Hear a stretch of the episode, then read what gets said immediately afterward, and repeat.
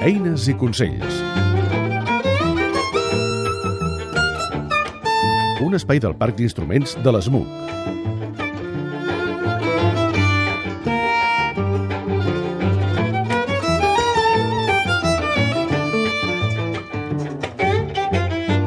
Segur que alguna vegada heu vist com un instrumentista que pot tocar el trombó, a la trompa, sobretot amb els instruments de metall, sacseja l'instrument per tal de treure el líquid que ha quedat dintre. I podríem pensar que treuen saliva, aquests instrumentistes? No.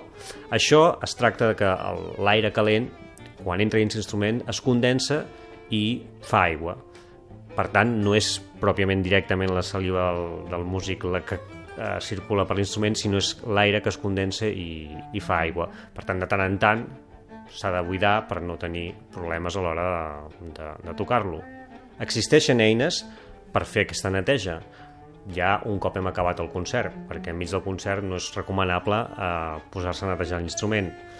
I són eines que normalment són especials per cada instrument segons les conduccions que aquest té. No és el mateix l'eina de netejar, per exemple, un clarinet, com l'eina de netejar una trompa o l'eina de netejar una tuba. Normalment són una espècie de drapets que van amb una mena de pesos per tal de reconduir-lo pels conductes. Per tant, si veieu el músic sacsejar l'instrument i treure el líquid és per poder continuar tocant.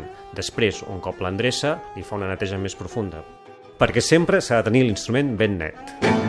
Eines i consells és un espai realitzat amb la col·laboració de l'ESMUC, Escola Superior de Música de Catalunya.